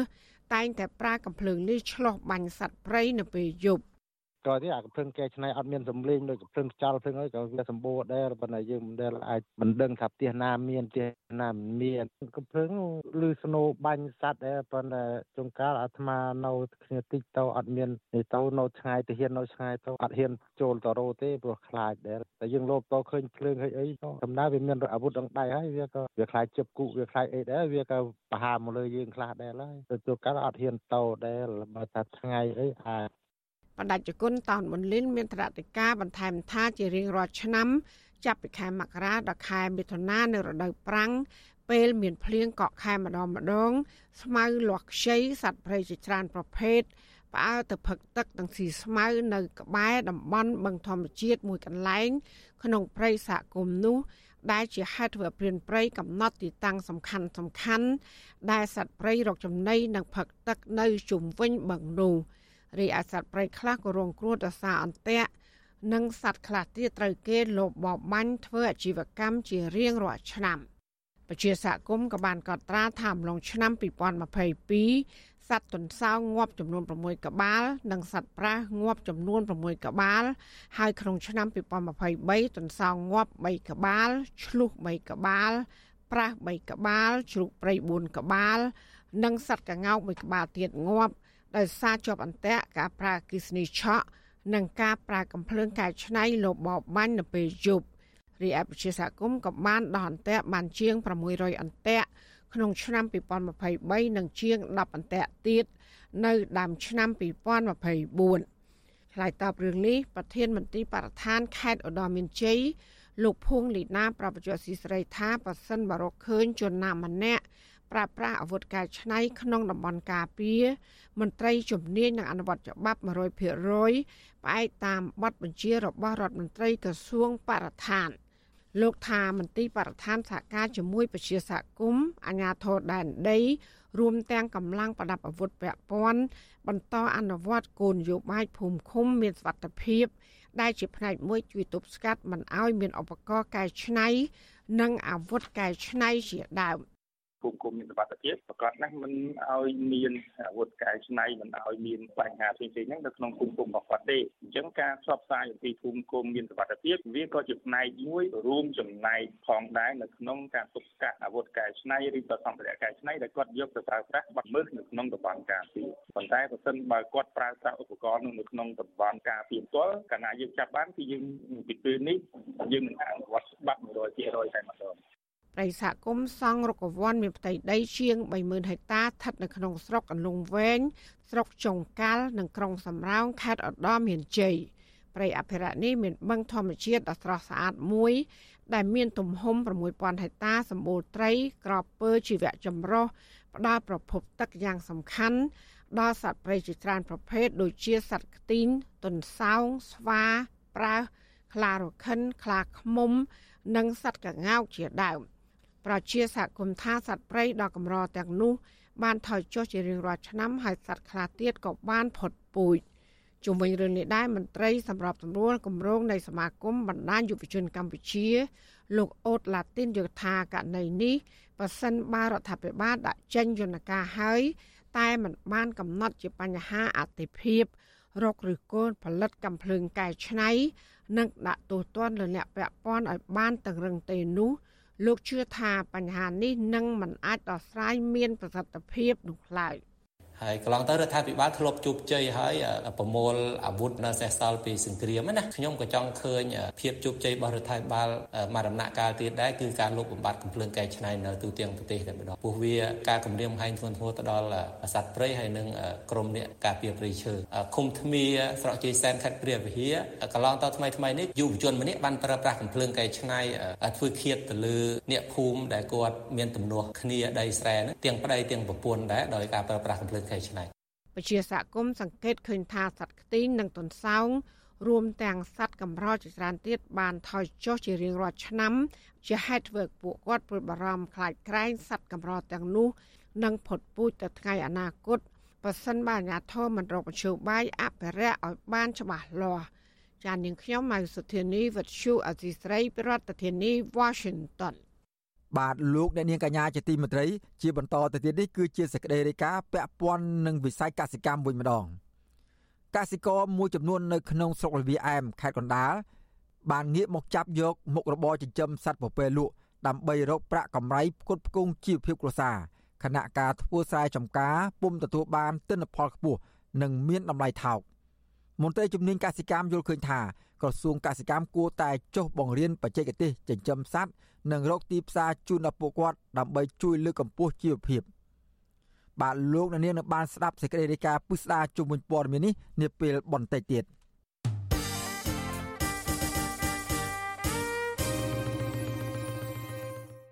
បាទលោកអ្នកនាងកញ្ញាជាទីមេត្រីចំពោះសេចក្តីរាយការណ៍ពីខេត្តស្ទឹងត្រែងនោះវិញប្រជាពលរដ្ឋរស់នៅឃុំស្រែសម្បូរខេត្តស្ទឹងត្រែង នៅតែព្រួយបារម្ភខ្លាចក្រុមហ៊ុន ខ្មែរ Henetech ត្រឡប់មកយកដីស្រែចម្ការរបស់ពួកគាត់វិញខណៈកន្លងទៅក្រុមហ៊ុននេះបានចុះបោះបង្គោលហុំព័ទ្ធយកដីស្រែចម្ការរបស់ប្រជាពលរដ្ឋជាច្រើនគ្រួសារមន្ត្រីសង្គមស៊ីវិលទទូចទៅរដ្ឋាភិបាលឲ្យដោះស្រាយបញ្ហានេះឲ្យមានតម្លាភាព និងប្រកបដោយយុត្តិធម៌បាទពីរដ្ឋធានីវ៉ាស៊ីនតោនអ្នកស្រីសូជីវីរាយការណ៍អំពីរឿងនេះ ប្រជាពលរដ្ឋរស់នៅឃុំស្រែសម្បូរស្រុកសៀមប៉ាងខេត្តស្ទឹងត្រែងជាង2000គ្រួសារនៅតែព្រួយបារម្ភខ្លាចក្រុមហ៊ុនខ្មែរ Hendertech ត្រឡប់មកយកដីស្រែចម្ការរបស់ពួកគាត់វិញបើទោះបីជាក្រុមហ៊ុន បានផ្អាកសកម្មភាពចុះទៅបោះបង្គោលយកដីស្រែរបស់ប្រជាពលរដ្ឋយ៉ាងណាក្តីអ្នកភូមិថាបន្ទាប់ពីមានការតវ៉ានិងផ្សព្វផ្សាយជាសាធារណៈរួចមកក្រុមហ៊ុនដែលមានឈ្មោះថាខ្មែរ Hendertech បានផ្អាកសកម្មភាពមួយរយៈ ប៉ុន្តែសម្ភារៈប្រើប្រាស់មួយចំនួនរបស់ក្រុមហ៊ុន នៅតែមានវត្តមាននៅក្នុងបរិវេណឃុំនៅឡើយតំណាងឲ្យប្រជាពលរដ្ឋរស់នៅឃុំស្រែសម្បូរលោកខូនឌឿនលោកប្រាប់វិទ្យុអាស៊ីសេរីនៅថ្ងៃទី6ខែកុម្ភៈថាបន្ទាប់ពីពលរដ្ឋតវ៉ានិងផ្សព្វផ្សាយជាសាធារណៈរួចមកក្រុមហ៊ុនខ្មែរ Hendertech បានផ្អាកសកម្មភាពចុះបោះបង្គោលរំលោភយកដីស្រែរបស់ពលរដ្ឋប៉ុន្តែគ្រឿងចាក់និងសម្ភារៈរបស់ក្រុមហ៊ុននេះនៅតែមានវត្តមាននៅក្នុងឃុំ ធ្វើឲ្យពលរដ្ឋមួយចំនួនមានការព្រួយបារម្ភខ្លាចក្រុមហ៊ុនមួយនេះវិលមកម្ដងទៀតលោកបន្តទៀតថាក្រុមហ៊ុនបានលាក់កំបាំងព័ត៌មានមួយចំនួនមិនអោយប្រជាពលរដ្ឋដឹងសម្បីតែឯកសារផ្លូវការណាមួយក៏មិនបានបង្ហាញប្រជាពលរដ្ឋដែរដោយគ្រាន់តែបញ្ជូនតំណាងមកអះអាងថាក្រុមហ៊ុនខ្មែរ Hendertech ទទួលបានដីសម្បត្តិសេដ្ឋកិច្ចពីរដ្ឋាភិបាលចាស់ចំនួន10000ហិកតាតែប៉ុណ្ណោះលោកស្នើទៅរដ្ឋាភិបាល ថាប្រសិនបើក្រុមហ៊ុននេះទទួលបានដីសម្បត្តិនៅតំបន់នោះមែនរដ្ឋាភិបាលត្រូវតែដកហូតអាជ្ញាប័ណ្ណពីក្រុមហ៊ុននេះវិញដោយសារតែមានផលប៉ះពាល់ទៅលើដីស្រែចម្ការរបស់ពលរដ្ឋច្រើនលើសលប់ តាមបំណងរបស់ប្រជាពលរដ្ឋហ្នឹងគាត់ចង់ឲ្យគេបញ្ឈប់ហ្នឹងហើយចង់ឲ្យរដ្ឋាភិបាលហ្នឹងបញ្ឈប់បើមិនតែយកដីងោះទៀតហ្នឹងប្រជាពលរដ្ឋលេងគ្នារកប្រាក់ចំណូលហ្នឹងទេបើអត់ដីឥឡូវនឹងគាត់បានទៅលងបានពិនពីអីហ្នឹងហើយបានគ្នាលេងពីជាប់គាត់ដើរអញ្ចឹងតែបើអត់ដីលុយកន្លែងទៀតហ្នឹងគ្នាមិនលេងទៅរកខាងណាទេឥឡូវបាទជាការសនុំពរនឹងដូចនេះហើយក៏ថាសនុំពរទៅយ៉ាងណាកុំឲ្យក្រុមហ៊ុននឹងគេយកតទៅទៀត លើសពីនេះអ្នកភូមិទទូចទៅអាជ្ញាធរពាក់ព័ន្ធថាមិនត្រូវជួយលាក់កំបាំងព័ត៌មានជំនួសក្រុមហ៊ុនឯកជននេះទេគឺត្រូវផ្ដល់ព័ត៌មាននិងជួយការពារផលប្រយោជន៍របស់ប្រជាពលរដ្ឋពីព្រោះពួកគេគឺជាម្ចាស់ទឹកម្ចាស់ដីនៅតំបន់នោះជុំវិញរឿងនេះអ្នកនាំពាក្យសាលាខេត្តស្ទឹងត្រែងលោកម៉ែនគង់ឲ្យដឹងថា រហូតមកដល់ពេលនេះអាជ្ញាធរខេត្តនៅមិនទាន់ទទួលបានពាក្យបណ្ដឹងពីពលរដ្ឋរងគ្រោះដីធ្លីនេះនៅឡើយទេលោកបន្ថែមថា ប្រសិនបើមានករណីចុះបោះបង្គោលយកដីប្រជាពលរដ្ឋនិងមានការស្នើសុំពីពលរដ្ឋអាជ្ញាធរខេត្តនឹងចុះទៅរកដំណោះស្រាយជូនប្រជាពលរដ្ឋនៅតំបន់នោះជារួមផែនទីវិនិយោគដែលអនុញ្ញាតឲ្យរដ្ឋាភិបាលមិនប៉ះពាល់ទៅដល់ ដីបង្កបង្ខាញផលរបស់ប្រជាពលរដ្ឋទេអញ្ចឹងពិនិត្យមើលលើសំណើសំណងពររបស់ប្រជាពលរដ្ឋហើយចាត់ឲ្យផ្នែកជំនាញទាំងអស់ធ្វើការស្រាវជ្រាវករណីហ្នឹងហើយបើសិនជាករណីហ្នឹងរកឃើញថាវាមានផលប៉ះពាល់នឹងធ្វើការងារជាមួយនឹងប្រជាពលរដ្ឋរវាងប្រជាពលរដ្ឋជាមួយនឹងក្រុមហ៊ុននិងមន្ត្រីមានសមត្ថកិច្ចទាំងអស់ដែលធ្វើការទៀងទាត់ទៅជាមួយនឹងផែនទីដែលមាននៅលើក្រដាស់ហ្នឹងជាមួយនឹងដីដីពិតប្រាកដទោះជាបែបនេះក្តីពលរដ្ឋអះអាងថា នៅមុនពេលបោះឆ្នោតនៅក្នុងឆ្នាំ2023 ពលរដ្ឋបានចេញតវ៉ាម្ដងរួចហើយនិងបានដាក់សំណើទៅអាជ្ញាធរឃុំម្ដងរួចហើយដែរដោយសារតែក្រុមហ៊ុនខ្មែរ Hendertech បានចុះលួចបោះបង្គោលយកដីពលរដ្ឋដោយស្ងាត់ស្ងាត់អ្នកសម្របសម្រួលគម្រោងធុរកិច្ចនិងសិទ្ធិមនុស្សរបស់មជ្ឈមណ្ឌលសិទ្ធិមនុស្សកម្ពុជាលោកវ៉ាន់សុផាតយល់ឃើញថាប្រសិនបើក្រុមហ៊ុននេះមិនបានបង្ហាញឯកសារផ្លូវការទៅដល់អាជ្ញាធរនិងពលរដ្ឋទេ ហើយទៅបោះបង្គោលយកដីធ្លីរបស់ប្រជាពលរដ្ឋស្ងាត់ស្ងាត់នោះគឺជាទង្វើខុសច្បាប់លោកបន្ថែមថារាល់ការផ្ដោតដីសម្បត្តិសេដ្ឋកិច្ចទៅឲ្យក្រុមហ៊ុនឯកជនរដ្ឋាភិបាលត្រូវតែសិក្សាពីផលប៉ះពាល់ដល់ពលរដ្ឋនិងបរិស្ថាននៅតំបន់នោះឲ្យបានត្រឹមត្រូវនិងតម្លាភាពព្រមទាំងរកដំណោះស្រាយឲ្យបានសមរម្យជាមុនសិន។ ចឹងមុននឹងការអភិវឌ្ឍអីមួយមួយគឺថារដ្ឋមានតួនាទីកាតព្វកិច្ចមួយ ដើម្បីតម្រង់ទិសទៅដល់ក្រុមហ៊ុនហ្នឹងគឺថាมันឲ្យប៉ះពាល់ដល់ដីដល់ប្រជាពលរដ្ឋទេបាទហើយបើមិនចឹងទេប្រជាពលរដ្ឋយើងគឺគាត់អត់មានអីធ្វើស្រែធ្វើចំការអត់មានអីអាស្រ័យផលហើយខ្លះកន្លែងខ្លះគម្រោងអភិវឌ្ឍខ្លះទៅដេញគាត់ចេញបាទហើយយកដីគាត់យកឲ្យក្រុមហ៊ុនអីប៉ុណ្ណឹងគឺថាអាហ្នឹងសុទ្ធតែជារឿងមួយក្នុងការរំលោភសិទ្ធិមនុស្សណា ប្រជាពលរដ្ឋជាង2000គ្រួសារមកពីភូមិចំនួន6នៅក្នុងឃុំស្រែសម្បូរស្រុកសៀមប៉ាងខេត្តស្ទឹងត្រែងត្រូវក្រុមហ៊ុនឈ្មោះថាខ្មែរ Hendertech បោះបង្គោលរំលោភយកដីស្រែចម្ការរបស់ពួកគាត់ដោយក្នុងមួយគ្រួសារមានដីចាប់ពី3ទៅ5ហិកតា ដែលពួកគាត់អាស្រ័យផលតាំងពីយូរណាស់មកហើយពួកគាត់មិនព្រមចាក់ចេញពីភូមិកំណើតនិងមិនព្រមឲ្យដីស្រែចម្ការរបស់ពួកគាត់ទៅក្រុមហ៊ុននេះទេ ប្រសិនបើក្រុមហ៊ុនមិនព្រមផ្ដល់សំណងសមរម្យនាងខ្ញុំសុជីវី With you Azizi Serai ពីរដ្ឋធានី Washington បាទជួនជាដើមភៀតតិចនៅស្រុកចំនួន2ក្នុងខេត្តរតនគិរីព្រួយបារម្ភពីប្រិយសហគមន៍ភ្នំទុនតង់ដែលកំពុងរងការកាប់ទន្ទ្រានយកដីរាប់រយហិកតា និងបរបាញ់សត្វខុសច្បាប់យ៉ាងអនាធិបតេយ្យពួកគាត់ថាព្រៃអភិរក្សនេះគឺជាអត្តសញ្ញាណរបស់ជនជាតិដើមភាគតិចដែលពួកគាត់ ខិតខំការពារជាង30ឆ្នាំមកហើយបាទយើងប្រកូលនាទីនេះជូនដល់លោកទីនសាការីយ៉ារាយការណ៍អំពីរឿងនេះដូចតទៅជនជាតិដើមភាគតិចក្រឹងនិងកញ្ចក់នៅស្រុកអណ្ដងមាសនិងស្រុកតាវែងលើកឡើងថាបទល្មើសកាប់ទន្ទ្រានដីព្រៃនិងការបរបាញ់សត្វជិតផុតពូជនៅក្នុងព្រៃសហគមន៍ភ្នំតុនតងកើតមានកាន់តែខ្លាំងចាប់តាំងពីឆ្នាំ2020មកពួកគាត់ទទូចឲ្យអាជ្ញាធរពាក់ព័ន្ធជួយទប់ស្កាត់បទល្មើសឲ្យបានតឹងរឹង ព្រោះព្រៃអភិរក្សមួយនេះស្ថិតនៅក្រោមការគ្រប់គ្រងរបស់ក្រសួងបរិស្ថានជនជាតិដើមភាគតិចក្រឹងលោកសាដាសកុសលឬនៅភូមិច័ន្ទភូមិតាវែងលើស្រុកតាវែងប្រាប់វិទ្យុអាស៊ីសេរីកាលពីថ្ងៃទី6កុម្ភៈថាពួកគាត់ព្រួយបារម្ភពីការបាត់បង់ព្រៃអភិរក្សភ្នំតុនតង់ដោយសារតែរយៈពេល2ទៅ3ឆ្នាំចុងក្រោយនេះប្រភេទឈើទាលកុកីនិងឈើប្រណិតប្រណិតដែលមានមុខកាត់ចាប់ពី1ម៉ែត្រទៅ2ម៉ែត្រ ភាគច្រើនត្រូវបានជន់ល្មើសលួចអាស្ទើរតែបាត់បង់ទាំងស្រុងចំណែកឯសត្វព្រៃដូចជាឆ្លុះខ្លាឃ្មុំក្ងោកទីងស្វាក្តាមកេងកងធំ និងរមាំងជាដើម កំពុងរងការគំរាមកំហែងពីសំណាក់ជនល្មើសជាញញប់ហើយគេគិតគូរធ្វើជាលើកខិតនឹងស្នំពោនឹងអាញាធរកុំឲ្យបាត់បង់ព្រៃឈើនឹងនៅក្នុងតំបន់ភ្នំពេញតង់នេះ ជនជាតិដើមភាគតិចក្រឹងម្នាក់ទៀតសុំមិនបញ្ចេញឈ្មោះដោយបារម្ភពីសុវត្ថិភាពអះអាងថាបទល្មើសអាយឈើនឹងការបរបាញ់សត្វខុសច្បាប់នេះកើតឡើងដោយចំហលោកថាជាក់ស្ដែងដូចជាករណីកាប់ដន្រៀនយកដីធ្វើកម្មសិទ្ធិពីសំណាក់ជនល្មើសមានរាប់រយហិកតាតែគ្មានអាជ្ញាធរណាចោះទប់ស្កាត់នោះទេវិទ្យុអស៊ីសេរីមិនអាចតតងប្រធានមន្ត្រីបរិស្ថានខេត្តរតនគិរីលោកផុនខេមរិនដើម្បីសំសួរជំវិញនឹងបញ្ហានេះបានទេកាលពីថ្ងៃទី6កុម្ភៈ ទោះជាយ៉ាងណាមេឃុំតាវែងលោកខឿនម៉ៅប្រាប់វិទ្យុអស៊ីសេរីថាបទល្មើសកាប់ទន្ទ្រានដីព្រៃនិងការបរបាញ់សត្វព្រៃពិតជាបានកើតឡើងស្ទើរតែរៀងរាល់ថ្ងៃមែនក៏ប៉ុន្តែបញ្ហាដែលកើតមាននេះគឺដោយសារតែការសហការគ្នារវាងអាជ្ញាធរមូលដ្ឋាននិងភាគីពាក់ព័ន្ធមិនទាន់ចុះសម្រុងគ្នាលោកបន្តថាកន្លងទៅមន្ត្រីអាជ្ញាធរថ្នាក់ខេត្តចុះមកដោះស្រាយម្ដងរួចមកហើយតែបទល្មើសនៅតែកើតមានដដែល ខ្ញុំចង់ដោះស្រាយបាទចង់ដោះស្រាយឲ្យប្រជាពលរដ្ឋឥឡូវខាងទៅខាងតាឡាវនឹងអត់ឆ្លាស់ការជាមួយឃុំទៅវិញលើស្ងាត់អត់ទំនាក់ទំនងបាទគេឃើញចាស់គុំគុំច័ន្ទនឹងគេឃើញមកពីគុំតាឡាវគេកាប់អាហ្នឹងបាទខ្ញុំចង់ចាស់ការជាមួយគ្នាយើងដោះស្រាយជាមួយគ្នាខ្ញុំចង់អញ្ចឹងបាទលោកឆ្ងាត់អត់ទំនាក់ទំនងលោកមេឃុំក៏អត់ទំនាក់ទំនងខ្ញុំដែរតែតិននឹងរឿងនេះអ្នកការពារសិទ្ធិមនុស្សនិងបរិស្ថានលោកម៉ាចត្រា លើកឡើងថាករណីបទល្មើសកាប់ដន្ទ្រានដីព្រៃអភិរក្សនិងការបរបាញ់សត្វព្រៃគឺបន្តកើតមានគ្រប់ទីកន្លែងលោកបន្តថាករណីនេះដោយសារតែខ្វះការអនុវត្តច្បាប់ហើយអាជ្ញាធរពាក់ព័ន្ធមិនសូវអើពើលោកបន្តទៀតថាចំណុចនេះក៏ជាបញ្ហាចម្បងនាំឲ្យក្រុមអ្នកមានលុយមានអំណាចមួយចំនួនកេងប្រវ័ញ្ចធនធានធម្មជាតិតាមរយៈការប្រព្រឹត្តអំពើពុករលួយដែរ។ កិច្ចការហ្នឹងវាអត់ពិបាកក្នុងការធ្វើទេព្រោះអីប្រទេសយើងមានច្បាប់ទម្លាប់ត្រឹមត្រូវវាសំខាន់តែទៅលើការអនុវត្តផងអាជ្ញាធរហ្នឹងឯងបើសិនជាអាជ្ញាធរគាត់យកច្បាប់ជាធំអាហ្នឹងខ្ញុំគិតថាជនល្មើសហ្នឹងគេនឹងមិនហ៊ានធ្វើកិច្ចការអស់ហ្នឹងឯងហើយទន្ទឹមនេះ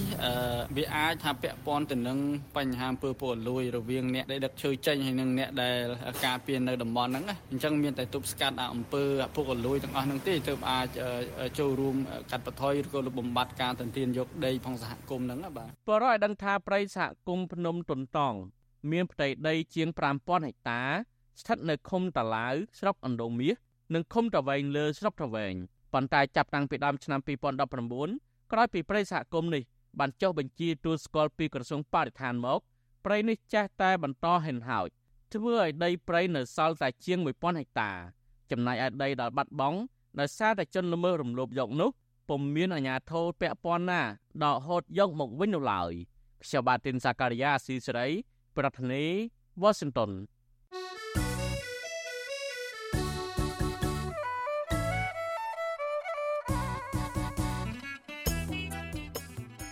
បាទលោកនាងកញ្ញាជាទីមេត្រីក្រៅពីការតាមដានស្ដាប់ការផ្សាយរបស់វិទ្យុអស៊ីសេរីតាមបណ្ដាញសង្គម Facebook YouTube Telegram លោកអ្នកនាងក៏អាចតាមដានស្ដាប់ការផ្សាយរបស់យើងខ្ញុំ តាមរយៈបណ្ដាញសង្គម Instagram របស់វិទ្យុអាស៊ីសេរីតាមរយៈតំណភ្ជាប់ www.instagram.com/rfa ខ្មែរវិទ្យុអាស៊ីសេរីបន្តខិតខំផ្សព្វផ្សាយព័ត៌មានពិតទៅកាន់បងប្អូនតាមរយៈបណ្ដាញសង្គមផ្សេងៗនិងសម្បូរបែបដើម្បីលោកដានាង ងាយស្រួលតាមដានការផ្សាយរបស់វិទ្យុអសីសេរីគ្រប់ពេលវេលា និងគ្រប់ទីកន្លែង តាមរយៈទូរស័ព្ទរបស់អស់លោកដានាង បាទសូមអរគុណ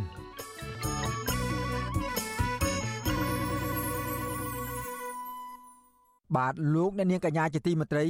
កសិករមួយចំនួននៅក្នុងស្រុកលវីអែមខេត្តកណ្ដាលងាកមកចាប់យកមុខរបរចិញ្ចឹមសត្វពពែលក់ដើម្បីរកប្រាក់កម្រៃផ្គត់ផ្គង់ជីវភាពគ្រួសារ ខណៈការធ្វើស្រែចម្ការពុំទទួលបានទិន្នផលខ្ពស់និងមានតម្លៃថោកមន្ត្រីជំនាញកសិកម្មយល់ឃើញថាក្រសួងកសិកម្មគួរតែចុះបង្រៀនពីបច្ចេកទេសចិញ្ចឹមសត្វដើម្បីជួយលើកកម្ពស់ជីវភាពប្រចាំថ្ងៃបាទពីរដ្ឋធានីវ៉ាស៊ីនតោនអ្នកស្រីសូជីវីមានសេចក្តីរាយការណ៍ពិស្ដារជុំវិញព័ត៌មាននេះកសិករមួយចំនួននៅខេត្តកណ្ដាលបានផ្លាស់ប្ដូរពីការធ្វើស្រែចម្ការងាកមកចាប់អាជីពចិញ្ចឹមសត្វពពែជំនួសវិញ ពីព្រោះការចិញ្ចឹមសត្វប្រភេទនេះមិនចំណាយដើមទុនច្រើនពួកគាត់អះអាងថាអ្វីត្បិតតែការចិញ្ចឹមសត្វពពែលក្ខណៈគ្រួសារមិនអាចទទួលបានប្រាក់ចំណូលខ្ពស់ក៏ប៉ុន្តែមុខរបរមួយនេះអាចជួយឲ្យពលរដ្ឋមិនចាំបាច់ចំណាក់ស្រុកទៅរកការងារធ្វើនៅក្រៅប្រទេសកសិករចិញ្ចឹមពពែនៅស្រុកលវីអែមលោកស្រីផាន់នាងឲ្យវិទ្យុអាស៊ីសេរីដឹងថាលោកស្រីចាប់យកមុខរបរចិញ្ចឹមសត្វពពែនេះរយៈពេលជិត20ឆ្នាំមកហើយ បន្ទាប់ពីលោកស្រីសង្កេតឃើញពីទីផ្សារលក់សាច់ពពែមានតម្លៃថ្លៃប៉ុន្តែលោកស្រីថាបច្ចុប្បន្នទីផ្សារលក់សាច់ពពែក៏មានតម្លៃថោកដែរដែលបញ្ហានេះធ្វើលោកស្រីនិងកសិករផ្សេងទៀតពិបាករកទីផ្សារលក់ចេញ។ មានទីផ្សារស្រួលទីផ្សារអញ្ចឹងវាស្រួលលក់ស្រួលដូរអីចឹងណាគ្រូมันពិបាកដូចថាគេមកទិញមួយទិញពីរទិញ3អីចឹងទៅយកទៅមានវិធីការវិធីជប់លៀងអីចឹងបើក្រុមហ៊ុនមានស្រួលណាគ្រូយើងត្រូវការលក់អីចឹងទៅមានក្រុមហ៊ុនស្រួលជាងដេញឯកជនមកទិញមួយពីរអីចឹងណាគ្រូកសិករវ័យ60ឆ្នាំរូបនេះបន្ថែមថាពពែមួយក្បាលអាចលក់បានប្រាក់ចន្លោះពី50ម៉ឺនរៀលទៅដល់1លានរៀល ទៅតាមទម្ងន់នៃសត្វពពែដោយសាច់ពពែ1គីឡូក្រាមមានតម្លៃ15000រៀលប៉ុន្តែបើប្រៀបធៀបកាលពីឆ្នាំ2022សាច់ពពែ1គីឡូក្រាមមានតម្លៃ40000រៀលលោកស្រីផាន់នាងបញ្ជាក់ថាបញ្ហាតម្លៃសាច់ពពែចុះថោកគឺដោយសារតែការនាំចូលសាច់បង្កកពីក្រៅប្រទេសច្រើនដែលធ្វើឲ្យមានផលប៉ះពាល់ទៅដល់ទីផ្សារកសិករក្នុងស្រុកនិយាយទៅឥឡូវលឺ គេនិយាយថាច្រើនតើចេញពីប្រទេសគេមកវិញណាទេកាហ្វេជ្រូកគោអីក៏ចុះថោកដែរឥឡូវបានសัตว์នៅក្នុងស្រុកខ្មែរយើងវាចុះថោកអីចឹងណាគ្រូការចិញ្ចឹមសត្វពពែនេះជាទូទៅកសិករត្រូវចំណាយពេលចិញ្ចឹមចន្លោះពី6ខែទៅ1ឆ្នាំទើបអាចលក់ចេញបានបើទោះបីជាកសិករមួយចំនួនចិញ្ចឹមសត្វពពែយកសាច់ដើម្បីដោះស្រាយជីវភាពយ៉ាងណាក្តីក៏ការចិញ្ចឹមសត្វប្រភេទនេះ ត្រូវការចំណាយពេលវេលាយូរដូច្នេះប្រាក់ចំណូលដែលពួកគាត់បានមកពីការលក់សាច់ពពែក៏មិនបានជាប្រចាំដែរបញ្ហានេះធ្វើកសិករមួយចំនួន ប្រឈមនឹងជំពាក់លុយធនាគារនិងបោះបង់មុខរបរចោលកសិករម្នាក់ទៀតដែលកំពុងចិញ្ចឹមពពែចំនួន50ក្បាលនៅភូមិព្រៃក្មេងលោកស្រីសុំនេះថ្លែងថាក្នុងមួយឆ្នាំលោកស្រីអាចរកប្រាក់ចំណូលពីការលក់សត្វពពែនេះបានចំនួន1លានរៀលប៉ុណ្ណោះ ហើយដោយសារតែសัตว์ពពែលក់បានតម្លៃថោកលោកស្រីក៏មានបំណងចង់បោះបង់មុខរបរនេះចោលម្ដងម្កាលដែរលោកស្រីបន្តថាចាប់តាំងពីលោកស្រីចិញ្ចឹមសัตว์ពពែមកគឺពុំមានមន្ត្រីកសិកម្មណាចុះមកបង្រៀនអំពីបច្ចេកទេសចិញ្ចឹមសត្វនេះឡើយយើងមានពពែលក់បាន4 5អីចឹងទៅបាន1លានអីចឹងទៅទៅ ទៅមុខទៀតទៅលក់បាន20 30ម៉ឺនអីចឹងទៀតទៅវាគ្មានលក់បានរាប់លានរាប់ម៉ឺនអីតោមួយមួយខែមួយខែលក់បាន10000 20000អត់ទេឆ្នាំអីចឹងទៅលក់បាន1លានអីចឹងទៅវាចេះទៅវិញមានណាអង្គុយលក់រាល់ថ្ងៃប៊ូពពែវាក្រធំចឹងខ្វះបច្ចេកទេសចិញ្ចឹមសត្វពពែនិងពុំមានក្បួនខ្នាតគឺជាកត្តាដែលធ្វើឲ្យកសិករមួយចំនួនប្រឈមនឹងខាតដើមដោយសារតែសត្វពពែឈឺឬឆ្លងមេរោគ សត្វពពែតែមានជំងឺមួយចំនួនដូចជាជំងឺអុតក្តាមជំងឺខ្វិននិងជំងឺសាទឹកជាដើមដែលជំងឺទាំងនេះបណ្ដាលមកពីការរៀបចំទ្រុងចិញ្ចឹមនិងឲ្យចំណីពពែស៊ីមិនបានត្រឹមត្រូវជាធម្មតាសត្វពពែស៊ីស្មៅស្លឹករុក្ខជាតិនិងកាកសំណល់ផ្ទះបាយជាចំណីប៉ុន្តែការចិញ្ចឹមឲ្យស៊ីស្មៅទាំងនេះគឺធ្វើឲ្យការលូតលាស់របស់វាយឺតយ៉ាវជាងសត្វពពែចិញ្ចឹមឲ្យស៊ីកន្ទក់និងពោត សត្វពពែមាន3ប្រភេទខុសៗគ្នា គឺពូជពពែចិញ្ចឹមយកសាច់ពូជពពែចិញ្ចឹមយកទឹកដោះនិងស្បែកហើយភាគច្រើននៃកសិករនៅកម្ពុជាជ្រើសរើសយកពូជសត្វពពែចិញ្ចឹមយកសាច់ដើម្បីលក់ពីព្រោះការចិញ្ចឹមយកសាច់លក់ងាយស្រួលរកទីផ្សារជាងការចិញ្ចឹមយកស្បែកនិងទឹកដោះចំណែកការរៀបចំទ្រុងសត្វពពែវិញ គឺគេសាងសង់ទ្រុងកម្ពស់1ម៉ែត្រផុតពីដី ហើយចំពោះទំហំតូចឬធំអាស្រ័យទៅតាមលទ្ធភាពរបស់កសិករ សត្វពពែចូលចិត្តនៅលើទ្រុងខ្ពស់ផុតពីដីហើយទ្រុងខ្ពស់អាចជួយឲ្យសត្វពពែលូតលាស់បានល្អការពារពីមេរោគឆ្លងនៅពេលមានភ្លៀងធ្លាក់និងងាយស្រួលសម្អាតដោយឡែកការបង្កាត់ពូជវិញគឺកសិករត្រូវជ្រើសរើសពូជដែលមានសុខភាពល្អធន់នឹងអាកាសធាតុទើបធ្វើឲ្យកូនពពែកើតមកមានសុខភាពល្អហើយកូនពពែមានអាយុ3ខែគឺអាចបំបែកលក់ពូជបន្តបានកសិករឲ្យដឹងថាការលក់សាច់ពពែរបស់ពួកគាត់ ពុំមានឈ្មួញកណ្ដាលទទួលទិញយកទៅលក់បន្តឡើយពលគឺពួកគាត់លក់ឲ្យអតិថិជន ដែលទិញយកទៅហូបនៅក្នុងពិធីបុណ្យទាននិងនៅពេលមានម្ចាស់ភោជនីយដ្ឋានកំងទិញតែប៉ុណ្ណោះតែកតិននៅរឿងនេះក្រុមប្រឹក្សាភិបាលរបស់អង្គការសាមគ្គីភាពកសិករកម្ពុជាលោកឌីគុន្ធាយល់ឃើញថា ប្រសិនបើក្រសួងកសិកម្មគ្មានយន្តការទប់ស្កាត់ការនាំចូលសាច់បង្កកទេនោះប្រជាកសិករដែលចិញ្ចឹមសត្វពពែជាលក្ខណៈគ្រួសារអាចនឹងបោះបង់មុខរបរនេះចោលលោកបន្តថាដើម្បីលើកកម្ពស់ជីវភាពកសិករក្រសួងកសិកម្មគួរតែរកទីផ្សារលក់សាច់ពពែជូនកសិករនិងសហការជាមួយស្ថាប័នពាក់ព័ន្ធដើម្បីកំណត់តម្លៃទីផ្សារសាច់ពពែខ្ញុំយល់ឃើញថាជាភាពច្រឡប់ ប្រហោងដែលក្រមការងារបច្ចេកទេសក៏ដូចជាថ្នាក់ដឹកនាំក្រសួងហ្នឹងមានភាពច្រឡប់ប្រហោងឬក៏ខ្វះឆន្ទៈនៅក្នុងការផ្ដល់នៅសកម្មភាពវគ្គបណ្ដុះបណ្ដាលស្ដីពីគោលការណ៍បច្ចេកទេសចិញ្ចឹមសត្វពពែដែលអាចធន់ទៅនឹងការបំបែបំពុលអាកាសធាតុចំណុចមួយទៀតមានន័យថារដ្ឋគាត់មិនបានធ្វើការឆ្លើយតបតាមរយៈគោលនយោបាយស្ដីពីការធ្វើផលិតកម្មសត្វពពែ វិទ្យុអាស៊ីសេរីមិនអាចតាក់ទងអភិបាលខេត្តកណ្ដាលលោកគង់សុភ័ណ្ឌនិងអ្នកនាំពាក្យក្រសួងកសិកម្មកញ្ញាអឹមរចនាដើម្បីសុំការបកស្រាយជុំវិញបញ្ហានេះបានទេនៅថ្ងៃទី6ខែកុម្ភៈអ្នកភូមិព្រែកក្មេងក្នុងស្រុកលវីអែមឲ្យដឹងថាមានប្រជាពលរដ្ឋប្រមាណជាង500គ្រួសារប្រកបរបរកសិកម្មនិងចិញ្ចឹមសត្វក្នុងនោះមានគ្រួសារដែលចិញ្ចឹមសត្វពពែប្រមាណ30%ក្រៅពីសាច់ជ្រូកនិងសាច់គោ ពលរដ្ឋខ្មែរមួយចំនួនក៏និយមហូបសាច់ពពែដែរដោយពួកគាត់អាចយកសាច់ពពែទៅអាំងឬធ្វើស៊ុបតាមចំណង់ចំណូលចិត្តរបស់ពួកគាត់ប្រជាកសិករស្នើរដ្ឋាភិបាលយកចិត្តទុកដាក់រកទីផ្សារលក់សាច់ពពែនិងរិះរកវិធីចិញ្ចឹមបែបបច្ចេកទេសថ្មី បង្រៀនទៅដល់ពួកគាត់ដើម្បីអាចឲ្យពួកគាត់មានលទ្ធភាពរកប្រាក់ចំណូលចិញ្ចឹមជីវិត ជាពិសេសអាចមានឱកាសនាំចេញទៅលក់នៅលើទីផ្សារអន្តរជាតិម្យ៉ាងវិញទៀតពួកគាត់ថា ការចិញ្ចឹមសត្វជាលក្ខណៈគ្រួសារអាចជួយឲ្យពលរដ្ឋនៅក្នុងស្រុកមានការងារធ្វើដោយមិនចាំបាច់ចំណាក់ស្រុកទៅរកការងារធ្វើនៅក្រៅប្រទេសនាងខ្ញុំសុជីវីវិទ្យុអាស៊ីសេរីពីរដ្ឋធានី Washington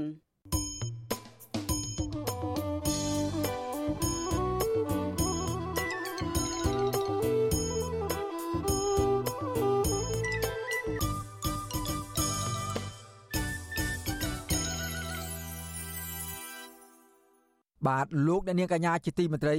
ព័ត៌មានប្រចាំថ្ងៃរបស់វិទ្យុអាស៊ីសេរីសម្រាប់ព្រឹកនេះចប់តែប៉ុណ្ណេះកម្មវិធីផ្សាយរបស់យើងខ្ញុំនឹងវិលមកជួបអស់លោកអ្នកនាងសាជាថ្មីម្ដងទៀតនៅយប់នេះគឺចាប់ពីម៉ោង7កន្លះដល់ម៉ោង8កន្លះយប់សូមលោកអ្នកនាង រងចាំតាមដានស្ដាប់ការផ្សាយរបស់យើងជាថ្មីទៀតនៅយប់នេះកុំបីខានយើងខ្ញុំសូមជូនពរដល់អស់លោកអ្នកនាងឲ្យជួបប្រកបតែនឹងសេចក្តីសុខចម្រើនរុងរឿងកំបីគ្លៀងគ្លៀកឡើយ ខ្ញុំបាទសេកបណ្ឌិតព្រមទាំងក្រុមការងារទាំងអស់របស់វិទ្យុអាស៊ីសេរីសូមអរគុណនិងសូមជម្រាបលា